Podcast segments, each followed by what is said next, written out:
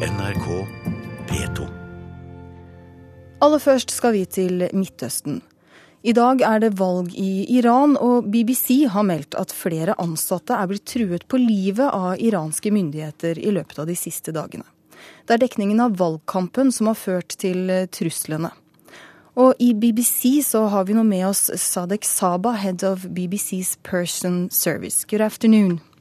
Good afternoon. Mr. Saba, what kind of threats have your staff and their family members been exposed to?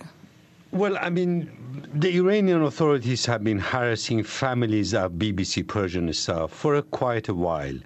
But over the last few days, it has increased suddenly. And probably this has to do with the, with the Iranian presidential election today. The kind of threats um, we have, I mean, families of have received is they themselves in Iran are threatened to lose their jobs, their pension, and even even being barred from traveling abroad. And also they tell them that if your uh, sons and daughters who work for the BBC, they don't stop working for the BBC, their own lives would be in danger in London, which is this is quite unprecedented. Ja, Saba sier her altså at eh, ansatte i eh, BBC har blitt truet med at pensjonene skal forsvinne, og at livene til også familiemedlemmer i England, og ikke bare de som er i Iran, kan eh, være i fare. Are, are the threats limited to staff operating just within Iran? I mean, we have uh, no staff in Iran. Uh, we have our staff in London, in other countries, but not in Iran. But families of our staff live in Iran. So the families have been threatened. People who are totally innocent and have nothing to do with the work we do here, but nonetheless, they have been targeted by Iran's security authorities. BBCs ansatte har altså, egne, har altså ikke egne ansatte i Iran, men det er familiene til de iranske ansatte i England som blir truet i uh, Iran. Uh, Mr. Saba, have the staff in, in, in Britain, you say they have been threatened, but how have they been contacted and threatened? I mean, they, when uh, authorities talk to their families in Iran, they ask them, they asked the families in Iran to pass the message to staff here that if they continue working for the BBC, there will be consequences for them. Altså Hvis disse som jobber for BBC fortsetter å jobbe for BBC, så vil det komme til å få konsekvenser. Det er det truslene går ut på. Which uh, actions will the BBC take in response to these threats? Well, first of all, our first duty is to give support to our staff, and we do it all the time. And secondly, BBC has issued a statement condemning this act by the Iranian authorities. And in the past, uh, also um, um, European Union and international human rights organizations and some governments have condemned this act by the Iranians. But will, will the BBC do something? I mean, what we can do is to inform the international community about this, to issue statements. So we are not a government, but we hope that international organizations, United Nations and European Union, they can put pressure on Iran to stop this act. Uh, that's all we can do. But our main duty, as I said, is to give support to our colleagues here in London. And also, I said sorry to fam families in Iran because they are totally innocent people and they shouldn't be in this situation. Saba sier altså at BBC fordømmer disse truslene, og at de også håper andre organisasjoner vil gjøre det samme. Thank you for taking the time to talk with us this afternoon. Sadek Saba, head of BBC Persian Service. Thank you very much. Med oss fra Kairo så har vi Sigurd Falkenberg Mikkelsen, NRKs Midtøsten-korrespondent. Og Sigurd, hvor overraskende er det at BBC-ansatte og deres familier har blitt utsatt for trusler? Det er jo, som vi hører her, en omdreining. altså At det har blitt mye verre. Og Sånn sett er det overraskende. Men BBC har en veldig spesiell stilling i Iran. altså BBC Persian får jo da ikke lov til å ha ansatte der. Det er i utgangspunktet også veldig vanskelig å få inn kanalen, men det er likevel en av de aller mest populære nyhetskildene for iranere. Men det er altså en, en, en dyp konflikt som går mellom de iranske regimet og BBC her. Du jobber jo selv i flere ulike land i Midtøsten. og Hvordan er det for journalister å, å jobbe i Iran sammenlignet med andre regimer i regionen? Ja, det har, eh, det har, eh, forandret seg en del. Eh, nå har jo også heller ikke NRK fått visum til å dekke dette valget. Vi er ikke alene om det. Myndighetene har vært meget restriktive med å gi visum til utenlandske journalister. Det er veldig mange som er holdt ute, bl.a. av BBC, som vi hørte, men også nyhetsbyrået Reuters f.eks., for, eksempel, for ikke sende inn sine korrespondenter. Det er ganske oppsiktsvekkende.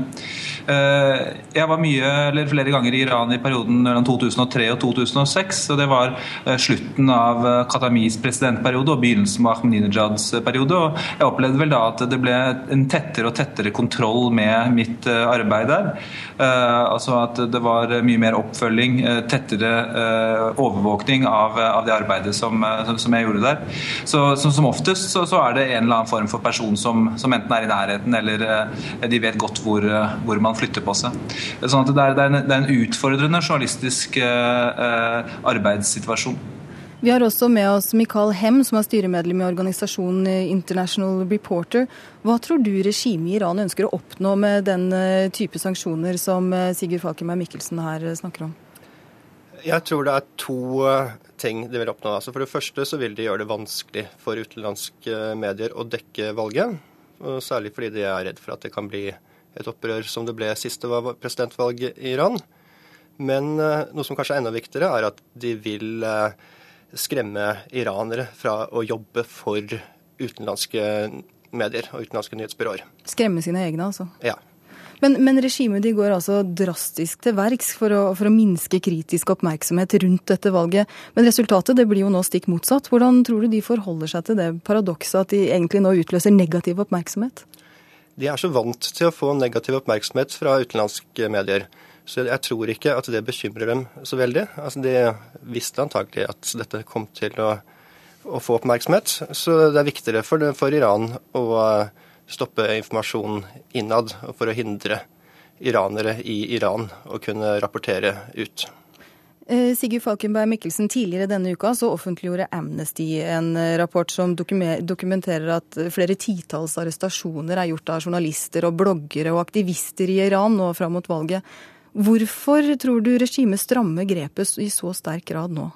Jeg tror de er livredde for at det skal gjenta seg en situasjon som det, altså den situasjonen som de hadde etter valget i 2009, eh, med en massemobilisering eh, og enorme gateprotester mot regimet. Dette er noe de aldri har sett før. Og Selv om dette er et autoritært styre, så har de også behov for en folkelig legitimering. De er opptatt av den demokratiske øvelsen presidentvalget er. og Det er ikke bare en teknisk sak. Det er, det er, det er viktig for dem å på en måte forankre regimet og revolusjonen i eh, folket. Sånn at dette var, dette var en, en, meget alvorlig krise for, eh, for, for regimet. Eh, og så går dette her litt i, i, bølger. Det var en åpning under Khatami, med, også når det gjaldt opposisjonspresse og opposisjonsmedium, men som de, de føler da ikke at de har noen særlig kontroll, særlig da over sosiale medier, Twitter, Facebook og alt dette greiene her, som gjorde at de har det kommer også meldinger fra Iran om at internett går veldig sakte, f.eks., som gjør det vanskeligere å laste opp eh, bilder og, eh, og, og, videoer og slike ting. Sånn at eh, de prøver å kontrollere eh, informasjons... Både tilgangen, men også flyten ut av Iran til utenomverdenen. Mikael Hem, altså Regimene som det i Iran de har ofte streng kontroll, som vi hører her, med egne nasjonale medier, sosiale medier. Hva slags utfordringer står de overfor når det skjer ting som internasjonal eh, presse har interesse for? At det kommer internasjonale eller utenlandske studenter, nei, studenter, journalister til eh, landet? Dette er regimer som ofte ikke vil ha oppmerksomhet uh, mot uh, de undertrykkende metodene de bruker, og de prøver ofte å stoppe utenlandske journalister. Et, et, nylig eksempel var eh, en fransk journalist som hadde laget en dokumentar om Tibet, som gikk på fransk TV i mai. Da kom representanter fra den kinesiske ambassaden til TV, kontorene til TV-kanalen og krevde at den skulle fjernes fra nettet. Og journalisten som hadde laget uh, uh, dokumentaren, han uh, fikk truende tekstmeldinger og telefoner. Og, så dette er ikke uvanlig. Det er veldig mange autoritære regimer som prøver å hindre utenlandske journalister å rapportere. Falkenberg Mikkelsen, helt til slutt, hva er de siste oppdateringene på valget i Iran? Eh, vi hører at, eh, at, det er et relativt godt eh, oppmøte. Det er vanskelig å vurdere i detalj fra, fra Kairo.